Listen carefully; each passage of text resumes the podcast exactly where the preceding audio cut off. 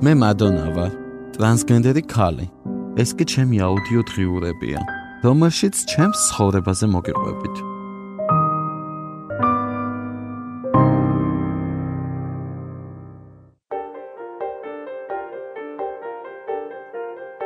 სწავლა როგორც გამოსავალი. ყოველთვის ფიქრობდი, რომ სწავლა გამოსავალია, მაგრამ აქამდე მე ამის საშუალება არ მომცემია. ყოველთვის ვიცოდი, რომ სწავლის გარეშე ყვილად ვიცხოვრებდი. საზოგადოების ნაწილი კი ვერასდროს გავხდებოდი. მაგრამ სწავლას როგორც მხოლოდ გამოსავალს სისი არ ვუყურებდი. წერის კითხვის, მსჯელობის, გააზრების პროცესი სულ მსიამოვნებდა და ახლაც მსიამოვნებს. ტრანსფერს ვაკვირდებოდი და ვფიქრობდი, რატომ ვძულდით ხალხს და დიდი ხნის განმავლობაში ჯეროდა რომ ეს ტრანსფობიის ბრალი იყო.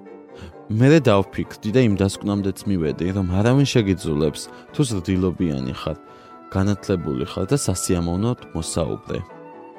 ასე ადვილად ვერ მოგაყენებენ შეურაცხყოფას. თუ შემდგარი პიროვნება ხარ, თუ საზოგადოების სრულფასოვანი მოაზროვნე წევრი ხარ. ქმნი იცვლი, უმოქმედო არ ხარ, საქმეს აკეთებ. თუ იმის პრეტენზია გაქვს, რომ ამ საზოგადოების თანასწორი წევრი ხარ, მაშინ მართლა სხვების მსგავსად უნდა იშრომო და ისწავლო. თუ ეს არ გინდა, არ ცდილობ და არ ირჯები, არ სწავლობ და არ ასწავლი, არ ეხმარები და არ გასცემ, მაშინ პრობლემა შენშია და არა საზოგადოებაში.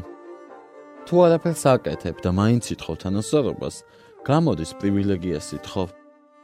მე კი პრივილეგიით ისევე ვერ ვიქნები კმაყოფილი და ბედნიერი, როგორც დღეს ვერ ვარ კმაყოფილი ჩემი შეზღუდული უფლებებით.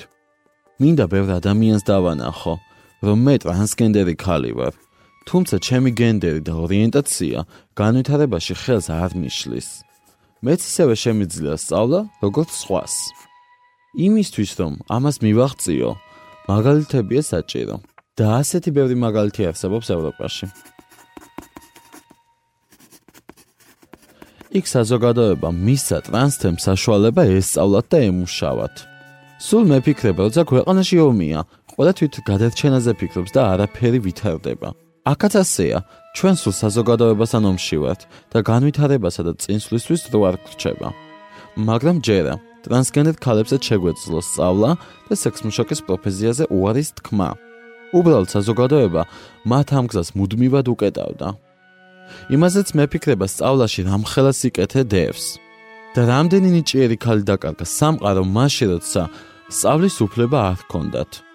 ქალებს რომ საკუთარი უფლებებისთვის არ ებრძოლათ, წარმოგიდგენიათ რამდენი წარმატებული არქიტექტორი ქალი არ გვეყოლებოდა, რამდენი მეცნიერი, ექიმი, მასწავლებელი, პოლიტიკოსი, მძღოლი, იურისტი.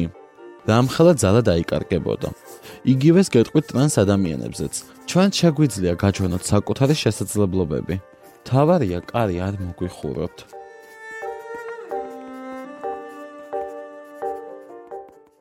შემდეგ დღიურში მე ყოველდღიურ სირთულეებზე მოგიყვებით.